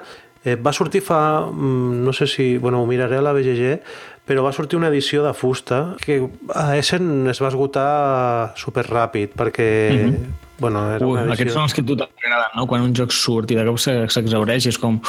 Necessito aquest joc. Mm, jo, mira, Coses necessi... rares, coses rares. necessitava el de fusta, que va sortir el 2014. Apareixen del 2014. Sé de gent que el té, eh, aquí a Catalunya i tal. El Christoph, per exemple, que el té signat. El que passa és que ara pel de fusta estan demanant 200, 300 euros i no sé què. I dic, mira, Joder. L'ha tret una editorial francesa que és eh, BlackRock eh, i l'ha tret en cartró per 15 euros, 14 euros eh, Suficient, no? me'l pillo i ja està I, i era un joc que volia provar super abstracte, per dos jugadors només eh? 20 minuts de partida Pots repetir el nom, perdona, és que és un nom molt raro. Haru Ichiban, s'escriu amb H Ah, ja està, ja l'he trobat, perdona, eh? sí, Haru Ichiban, Ichiban, sí amb B alta. i és això, és eh, joc típic dels francesos que són d'aquests de, de guessing, d'intentar esbrinar el que farà l'altre, perquè és un joc que els jugadors representen que són com jardiners eh, d'una piscina, d'aquestes reials dels emperadors ah, japonesos i tal, sí. on hi ha uns nenúfars i han de posar les flors a sobre dels nenúfars i tots els jugadors tenen el mateix número de flors, que crec que són 8 flors, i van numerades per, per la part de sota de l'1 al 8. Aleshores, cada jugador tria una flor en secret, quan la tenen tots els dos a la mà, la giren i el que té la de número més gran serà el jardiner mestre, el sènior, i el que té la més petita serà el júnior. En funció d'això fan els torns diferents, no? La primera acció és això, decidir qui és el gran i qui és el petit, segons la flor que hagin triat. El petit, el júnior, col·loca primer la seva flor en un nenúfar que està marcat de color verd més fosc. El gran posa allà on li rota, perquè té l'avantatge de ser el, el sènior i pot posar a qualsevol dels nenúfars, però després serà el petit el que farà bufar el vent. I això és una cosa que m'agrada molt perquè els nenúfars estan col·locats sobre una quadrícula, no? però no estan ocupant tots els espais de la quadrícula. Aleshores, quan toca l'acció de fer bufar el vent, tu pots desplaçar una fila de, de, o una columna de nenúfars cap al final, no? Aleshores, les flors que estan col·locades sobre els nenúfars van fent com dibuixos. Pots fer el dibuix d'una línia, d'una diagonal, d'un quadrat o, o així, no? I es puntua en funció d'això no deixa de ser un 4 en ratlla vitaminat, però està molt ben parit, perquè tens l'estratègia de on col·loques, però després pensar on s'acabarà movent la flor que has col·locat en aquest torn o les que has col·locat en torns anteriors, no? perquè no només eh, importa on la col·loques, sinó on pot arribar aquesta flor amb, amb la bufada del vent, no? i també importa si t'interessa ser el jardiner sènior o si t'interessa ser el jardiner júnior. Uh mhm. -huh. I té aquesta gràcia de ara ell triarà una flor molt baixa, doncs jo trio també una molt baixa per veure si tinc sort i puc ser el, el més petit i no sé què. L'única pega, que per mi és l'única pega que té, que està una mica mal resolt quan tots dos jugadors trien el mateix número de flor. Què passa? Passa una cosa, que és un torn com neutre, ningú fa els dos rols, sinó que hi ha unes granotes en uns nenúfars de color groc i una granota de color vermell, col·loquem cadascú la nostra flor en aquell nenúfar automàticament i juguem un altre torn sense tenir els rols de gran ni petit. Sembla com una espècie de bloqueig estratègic del pal. A veure si enganxo el número de l'altre i així ell no em pot fer tal o no sé. Sí, sembla una xapuza, no sabíem què fer. Mira, passem al torn. Però només tens l'avantatge de que un dels dos és el que triarà el següent nenúfar de, de color verd i, no, i això es resol per... Eh, diuen que és el que primer diu Croac, és el que té la, la possibilitat de, en una jugada d'aquestes que estàs empatat en el número de flor, de recol·locar i coses així. És l'única pega que té els empats. Bueno, que... això del Croac m'ha semblat una mica patillada, eh? però bueno. Sí, sí, és, és, és patillero, però, però per la resta, el joc està de conya. És un joc que realment, si la gent s'ho comencés a mirar i és una quadrícula de 1, 2, 3, 4, 5, de 5 per 5, és que es podria fer en print and play bastant fàcil, tampoc és car, perquè el que passa és que les botigues eh, d'aquí, ni, ni físiques ni, ni online, crec, el tenen. Eh, L'has d'aconseguir de, de botiga francesa. Home, jo estic mirant fotos i la veritat és que és bonic. Bueno, no sé si estic veient la versió de fusta o, o la de cartró. Suposo que és la de fusta, no? Aquesta tan xula, que es veu així com que l'estanc. Sí, és, és com un estanc. I, i, I la fusta on està el mestre allà amb les flors posant-les. Aquesta versió de fusta, la fusta és fetes, eh, crec que estan fetes a mà o no sé, era una passada. El que passa és que ara això ja s'ha convertit en peça de, de col·leccionista. Yeah. I, però com a lloc està bé. El que passa és que és un lloc que és així, com un divertiment per dos jugadors, no, no res més, és com posar-te a jugar una balón o, o una mm. cosa així, no, no li busquis més, però el lloc està bastant bé i és això, eh, que el mateix Bruno Català deia és un joc que és molt difícil que et publiquin un joc només per dos, perquè diuen les, els editors que els jocs que són només per dos, que com només els jugues tu amb, amb una altra persona, que després l'altra persona no se'l comprarà perquè Clar, ja sap no, que el tens no tu. No és un bon negoci, no? Clar, si et poses a pensar així, sí, li... jugues amb algú un joc de dos i diu, oh, m'agrada molt, no me'l compro perquè ja el, ja el tens tu. Bueno, bueno, doncs clar, Clar, costa, clar. costa més vendre jocs. En canvi, el, per exemple, un Roll for the Galaxy, pues, eh, si t'ha agradat Ja. i, i bueno, pues, igual te l'acabes comprant també perquè Sí. no el jugaràs a lo millor amb aquell tio sempre, no sé què. I és el que diuen els editors, li diuen capacitat d'expansió d'un joc, no? Un joc, eh, quantes més persones el juguin, més viral es pot fer, perquè d'aquell grup de 5, a lo millor un se'l torna a comprar, i d'aquest que se'l torna a comprar, si el juga amb un altre grup de 5, igual un altre se'l torna a comprar. En canvi, Sí. aquests de dos es queden estancats. Mai millor dit perquè hi ha un estanc. No. I... Mare Déu, quin humor. Sí, quin sí. nivell. Què t'anava a preguntar, seriosament? Llavors, per fer punts, has de fer com unes figures, que són com unes diagonals, pots Ah. fer un quadrat, pot... estic veient aquí, pot sí, ser? el quadrat et dona un punt.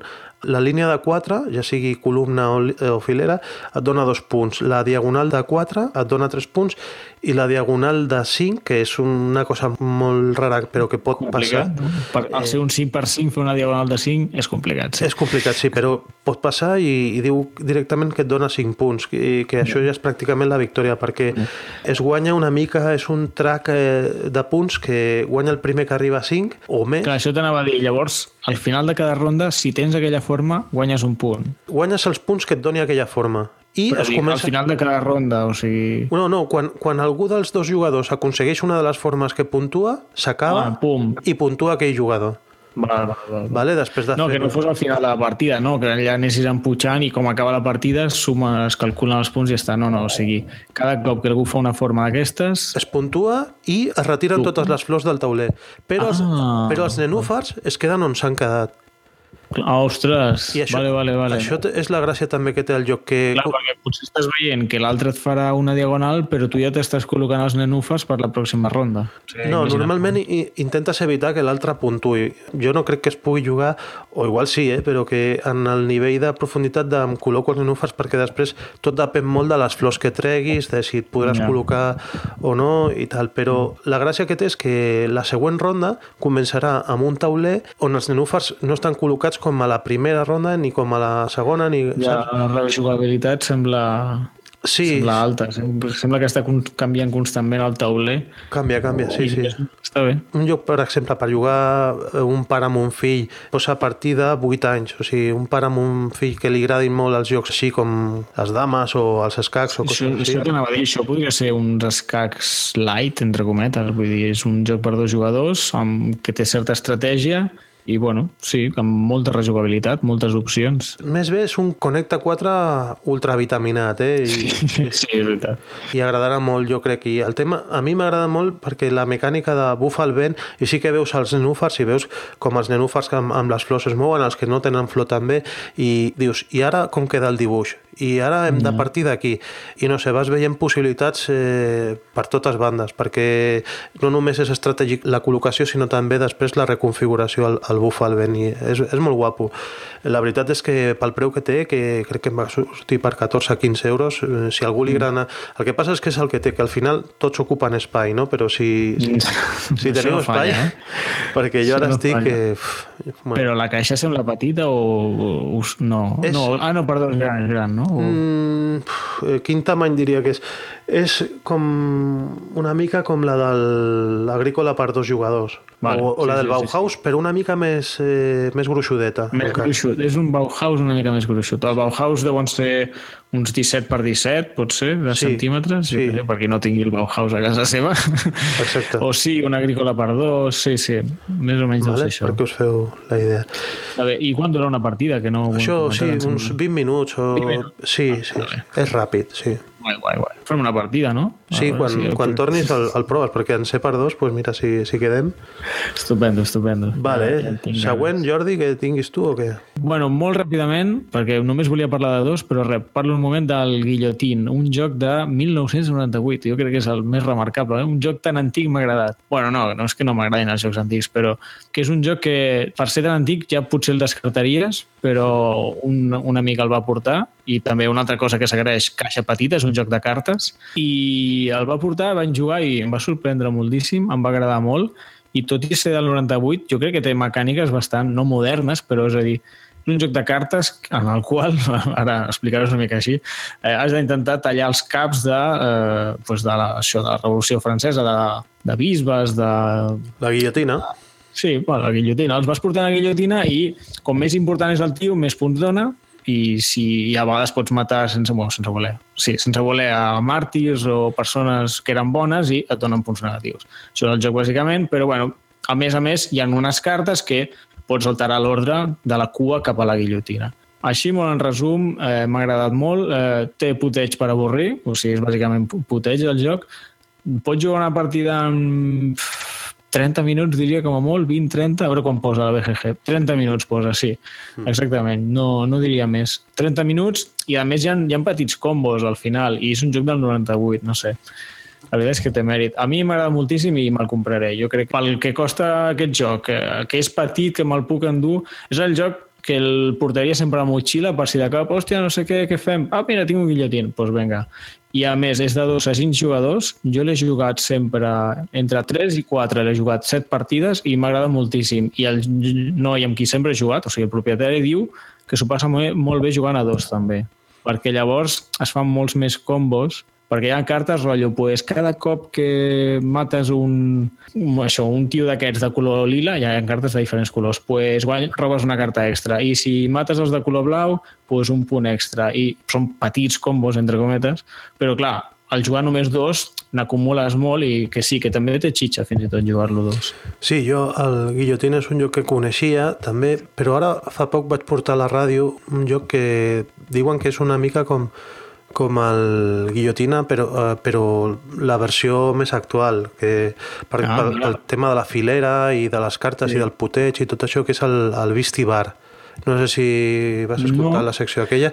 Justament m'he enterat fa poc per la newsletter de, de Vir que el trauran en castellà de Vir.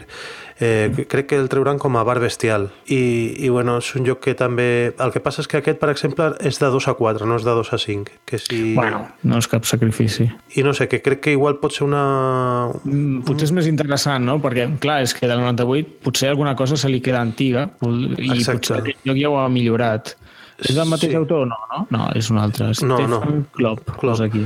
No, no, no, no és el mateix autor i de fet aquest, el Beastie Bar, ara el treurà de Vir, però ja, ja estic veient que, bueno, que hi ha una expansió de, del Dimoni de Tasmània i que hi ha una, una, una expansió que es diu eh, New Beast in Town, nous animals sí. al, al poble o a la ciutat, poble, eh, que es pot integrar. O sigui que si se't queda... Expansions autojugables, no? Que es diu? O...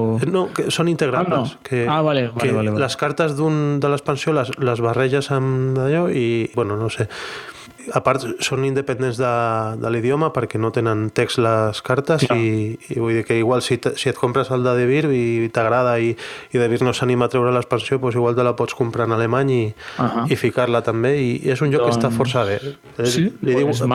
em crida l'atenció eh? perquè ja et dic el, el guillotín aquest és una mecànica molt tonta és a dir, sí. una, una línia i tu jugues cartes per alterar l'ordre de la línia i poder matar a, a, a personatges més importants que et donaran més punts. Suposo que això dels animals és, és exactament el mateix. Són animals que estan esperant per entrar a una festa que es fa un bar, que és el Beastie Bar, i, i hi ha el segurata, que és un goril·la, i segons si tires la serp, pues, canvia tot d'ordre, si tires el lleó, pues, passa, passa al davant de tothom perquè té més força, eh, però si entren els micos, eh, pues, eh, pas, ah, passar. sí, sí, totes les cartes tenen com a sota com una... Com una acció, sí, i a part és, ve definida eh, per, per eh, iconografia, no, no hi ha text. Mm. Sí, sí. Quan... Pues, pues m'agrada molt, eh? Mm, potser la... m'has venut un joc, Miquel. I les cartes són molt grans. Eh? Són, eh, sí. Crec que són més grans que les del guillotín. Eh, i, bueno... Sí, les del guillotín és tamany normal. No Això sé. són tamany Dixit, més o menys. Les del... Això, sí, sí, estic mirant i és no sé si Dixit, però quasi, quasi. I és molt catxondo les imatges perquè són animals antropomòrfics, tenen forma d'home, però el cap el tenen d'animal i, i és molt... Sí, van amb traje, no? I sí, rotllo per sí, anar a la festa. Aquí estic veient un, un lleó amb una xupa lila i una zebra amb un vestit negre. És molt catxondo i si dir el, el publica no és que sigui mal joc segur, eh? A veure si ens està escoltant de Vir, que ja saben que tenen un comprador, eh? O sigui, si traieu el joc ja teniu un més un. El treuen, el treuen, el treuen. Sí, sí. ja ha sortit segur, a la newsletter, eh? Sí, sí, és una ah, novetat vale, vale, que treuen. Vale, vale. Pues mira, probablement caurà aquest joc. No, jo t'ho dic perquè el guillotín segurament el trobaràs més fàcil de segona mà. Això, és que estan mirant botigues i no, no és trivial. Aconseguir el guillotín ara mateix, clar, és que és tan antic. Sí. Sí, sí. Bueno, jo per acabar vull parlar del... Eh, és que té un nom molt llarg, però... de Legendary Encounters, Ah, sí, sí, sí. que no deixa de ser un sistema, el Legendary Encounters, perquè el Vasco em va dir que, bueno, ara hi ha el d'Alien, que és el que vam jugar, després hi ha el de Predator, però diu que sortirà també el de Golpe en la pequeña China i no sé si un de Bruce Lee, i, o sigui, sí, és eh, el que han fet els, els autors aquests, que diré el nom perquè ho estic mirant a la BGG, Jo estic aquí. Bueno, digues... Ben Sichowski i eh, Danny Mandel. El que han fet és trobar un sistema de joc per intentar incorporar coses que passen a, a les pel·lis a un joc de cartes, un deck building. I funciona, o sigui, jo he flipat, perquè aquest de Alien et venen totes les pel·lis, són, venen no sé si 500 cartes, és una passada. Se'l va comprar el Basco, li va costar 60-70 euros i el vam jugar i la veritat és que pff, és un joc de cartes, en realitat ve amb un tapete i el tapete aquest és vital perquè és on et diu on estan totes les coses de la nau d'Alien, aquí està la- l'esclusa de, de ventilació, aquí és on, on pots reclutar, aquí no sé què. És superxulo, o sigui, és un joc que eh, molt temàtic, que en, en teoria no va amb mi, però després és que al jugar-ho em venien com sensacions de pandèmic, no? De, d'hòstia, hem de fer... Eh, perquè eh, és un És cooperatiu cooperatiu. total. Ah, és un val, val. cooperatiu total, sí, sí. Es pot jugar també solitari. tots els Legendary Encounters són cooperatius? Crec que tenen també una altra modalitat que és competitiva, però nosaltres vam jugar aquest i vam jugar la primera pel·li perquè tu pots triar quina pel·li vols fer, la primera, la segona, la tercera de l'In vam dir. Hòstia, que bo. Fem la primera i sí, sí, tio, sí, és que has d'anar fent uns objectius i els objectius són de les pel·lis, o sigui, has de, pues si, jo què sé, si a, a la primera pel·li el- l'Alien el treu per l'escotilla aquella de ventilació, pues has, sí. al final has de col·locar el puto Alien a la part de la, del tapete, que és la- l'esclusa aquesta de ventilació, i matar-ho allà. I si ho mates allà és com que passa allò de la pel·li. És que realment sents que passa allò de la pel·li. Després no és temàtic el tema de que a la pel·li és una tripulació molt, molt minsa i aquí sí que tu tens moltes cartes. Tens soldats, tens no sé què, tens, tens eh, mm, enginyers, tens metges, No es pot demanar tant. eh, no, no, però, però de veritat que està molt bé. Pegas, això ho edita Upper Deck Entertainment. Upper Deck és una editorial americana que, que fa jocs, però que la seva base de negoci són els cromos i els records d'esports com el béisbol.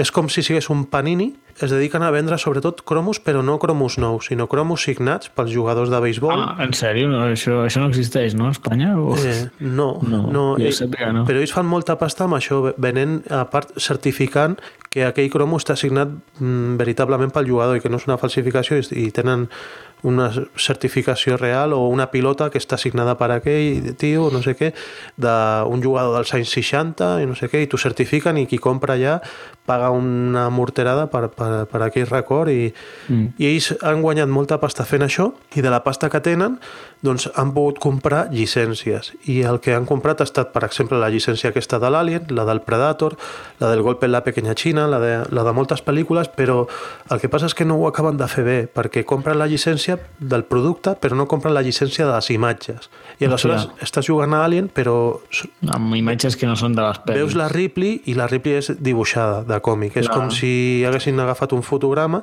i l'haguessin calcat. Però és estrany, no? Vull dir, compres els drets de la peli però no de les imatges de la peli. M'imagino, uh, clar, veient això, és que van per separat i ja comprar-ho tot era una locura. I Clar. això és un joc de taula, tampoc és una superproducció. Exacte, sí, No, sí. és una pena. sí. No, no, és, és una pena, però, però deu ser molt car eh, l'altre. I, I aquí suposo que només són els, els drets d'explotació del nom d'Alien, no? Mm. Però jo estaria molt atent al tema aquest de Legendary Encounters, que és un sistema, és com un sistema com si sigués un sistema pandèmic, que sí. es pot fer pandèmic de no sé què, pandèmic a Espanya, pandèmic no sé què, o sigui, és, és també com un ticket to ride, que fas un ticket to ride de, I de Països trus com a Baixos. xurros, no? A partir Sí. d'aquí.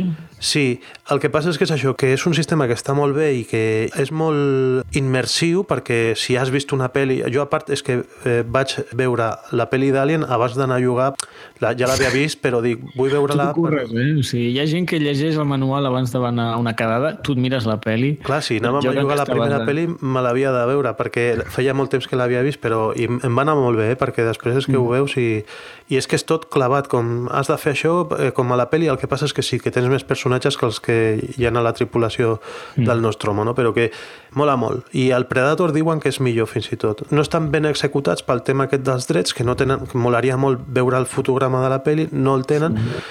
i això suposo que és el que fa que tampoc hi hagin partners no? per acabar de, de treure, per exemple, una, una versió en castellà, perquè les cartes tenen text també i tal. I... A tu, ja, sí. si, si tu el juguessis, t'agradaria molt, penso, eh? Probablement, és que ara m'estàs parlant i és com, joder, un altre joc, no? Si us plau, ja, ja tinc una llista de compra massa llarga.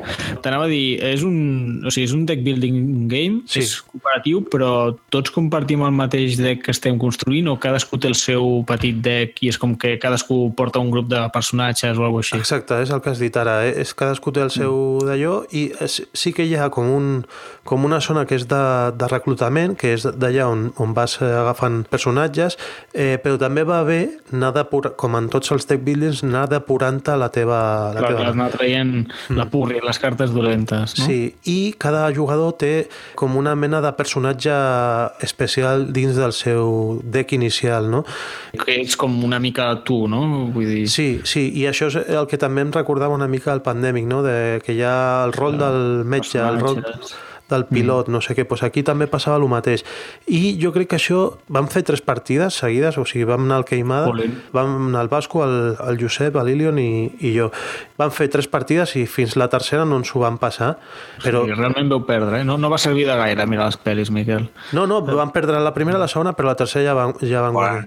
Menos mal. I és això, jo crec que també has de combinar molt bé els personatges que juguen, explotar al màxim les seves habilitats també, perquè eh, vam dir, mira, aquest és un tio que,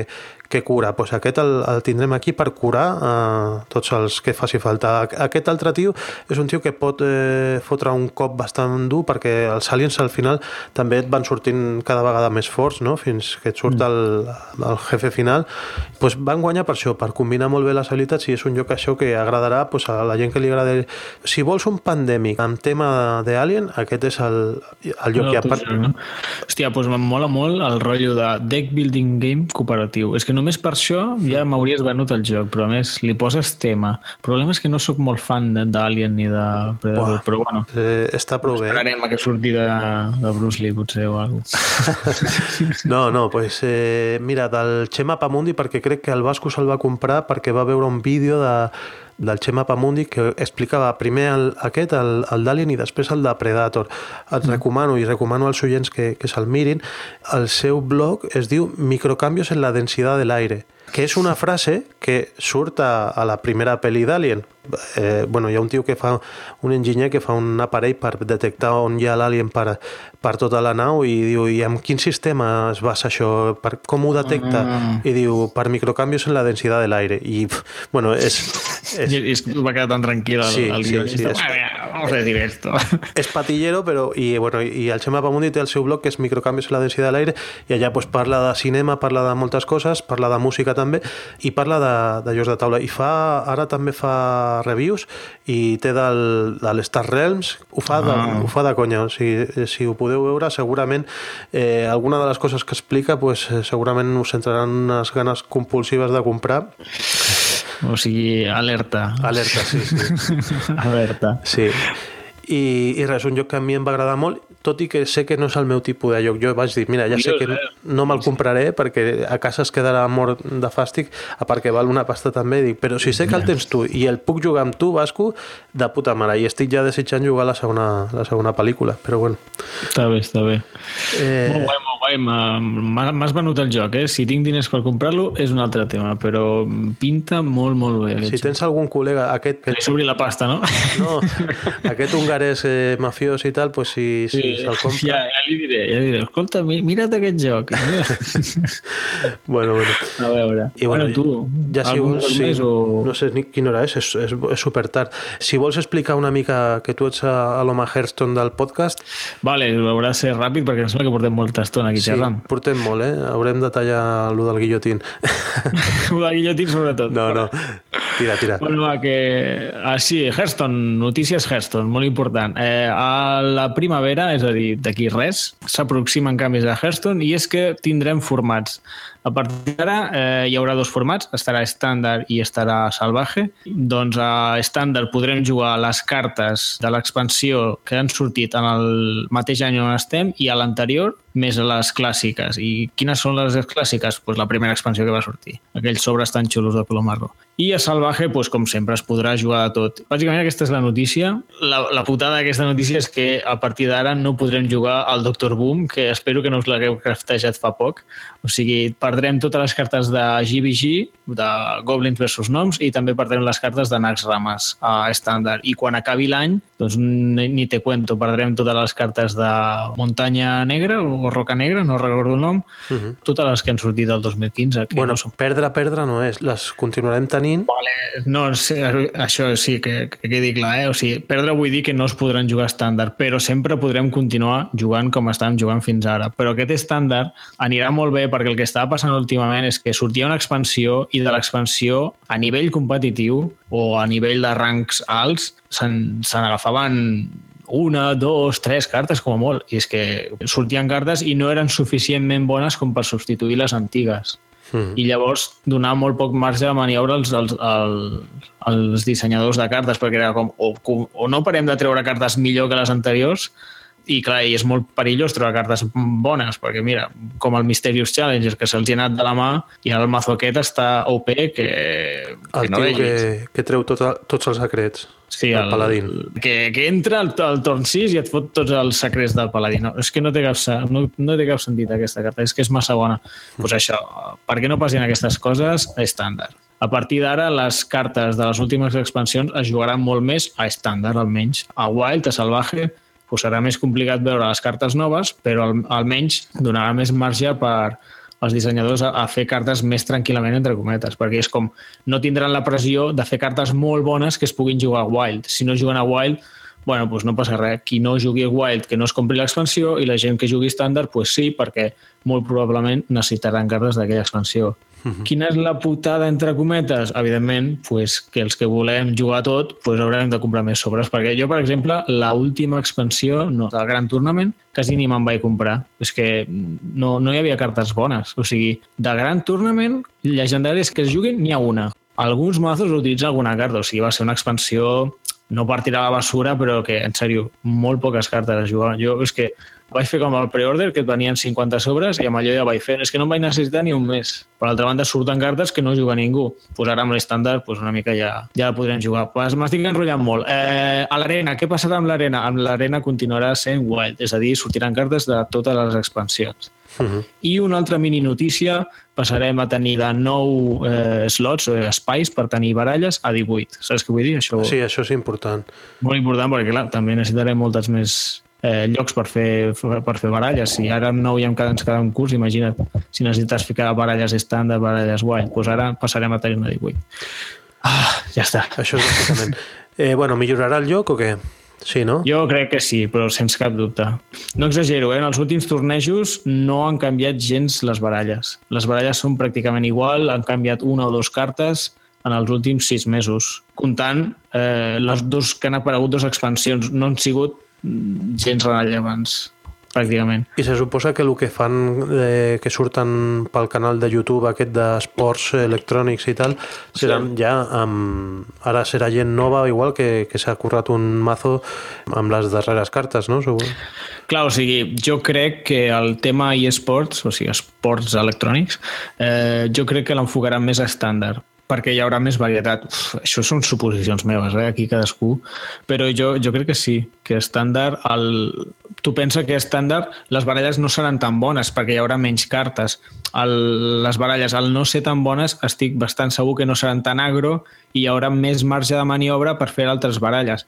Per què totes les baralles eren més o menys iguals? Perquè no podies fer una baralla que fos molt lenta, perquè és que hi ha les tres baralles molt agros que hi han, que és Secret Paladin, eh, la Zoo, també la Druida, aquestes tres són tan fortes, tan ràpid que com portis una Warrior Control massa lent.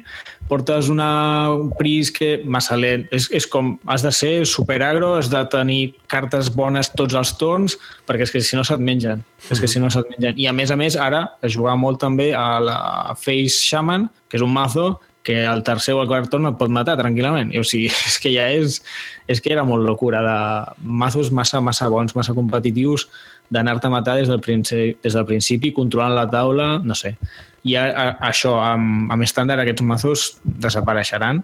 bueno, no desapareixeran, però no seran tan, tan bons i jo crec que se'n podran crear altres. Però és que això ja passava a, a Màgic i ha passat amb, sí. amb tots aquests jocs. Sí, sí. O sigui, arriba un moment que hi ha tantes cartes que les baralles són tan bones que quasi ni es disfruta, no? Són, és com, no hi ha marge de maniobra. I llavors, al fer estàndards, la, es poden ficar cartes de, amb costos més alts. Bueno, bueno. Doncs a veure si tenim l'oportunitat de veure-te tu alguna vegada a una final d'aquestes de, de eSports. Sí, no em falta gaire. Bueno, de fet, vaig quedar segon en un torneig, però no el retransmitien en lloc. Ah, bueno. Vaig quedar segon en un torneig i em van regalar un flamant teclat que val 100 euros, que ja me'l vaig vendre. Però sí, que amb un teclat de 100 euros que fa llumetes. pues sí, sí, vaig, vaig participar en un torneig i va anar bé, va anar bé. A on va ser el torneig? Eh, no, online, eh? Un ah. torneig online. Vale, vale. Sí, sí, és que em fan cada dia tornejos online. Si algú té curiositat, pues que pregunti a l'email i que el, el Miquel m'ho reenviarà i ja, ja, us, ja us diré. El d'info no arroba reservorjocs.cat allà i us poso en contacte amb el Jordi que és eh, l'assessor sí, si Hearthstone algú... a Catalunya. bueno, no, no gaire, eh? O sigui, la gent que en sap pensarà que en sé molt poc i bueno, la gent que en sap molt poc pensarà que en sé molt. Això mm. sempre passa. Però sí, hi ha un munt de pàgines, es fan tornejos pràcticament a diari i n'hi ha molts que són gratuïts i tenen premis i si voleu estar informats mm -hmm. ja comentarem com. Presencials ja, de tornejos? Sí, però d'aquests menys. Però hi ha un bar a Barcelona, va, que els hi faré propaganda, o puc fer propaganda? Sí, sí, sí no? sí, sí. Es diu Blitz Bar i fan tornejos de videojocs. En general, eh, pràcticament tots els caps de setmana. Jo diria que només obren els caps de setmana. No em sé la direcció, només faltaria, però si busqueu Blitz, que s'escriu B-L-I-T-Z, Blitzbar, a Blitzbar Barcelona el trobareu, tenen pàgina a Facebook, pots buscar al Google, el que sigui, i munten tornejos de tots els videojocs en general i cada dissabte fan un torneig presencial amb premi, bueno. que és, crec que és un sopar i crec que 20 o 40 euros, una cosa així. Bueno, bueno, està bé que facin aquestes cosetes. Sí, i aquestes cosetes s'agraeixen. Bueno, mm. molt bé, Jordi. Bueno. Doncs eh, ho deixem ja, perquè jo deia... Després vull empalmar després d'aquest àudio igual alguna entrevista que faré i tal, però hòstia, ja portem una hora i quart gravant. És que ens enrotllem, eh? Sí, sí. Bueno, haurem de fer només un o dos jocs dels...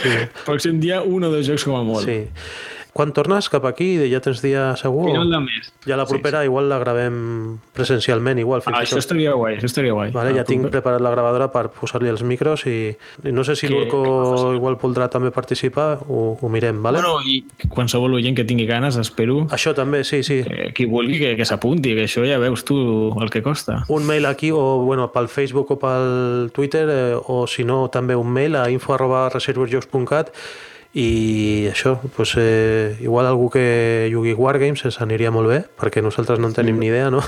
No, desgraciadament no, no sabem gaire d'això. Pues això. Doncs eh, Jordi, et deixo ja, i que és una mica tard i fins la propera, vale? Vinga, Miquel, vagi bé. Vinga, merci per tot. Adéu. I saw a wonderful land with my girl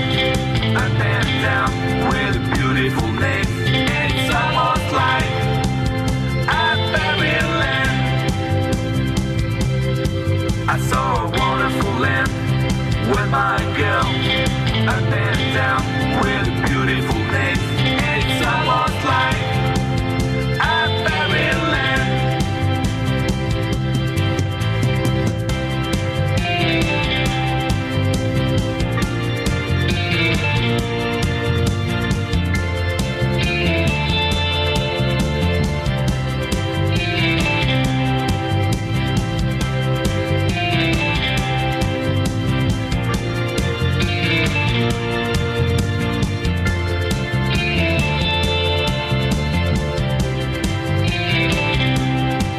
I saw a wonderful land with my girl.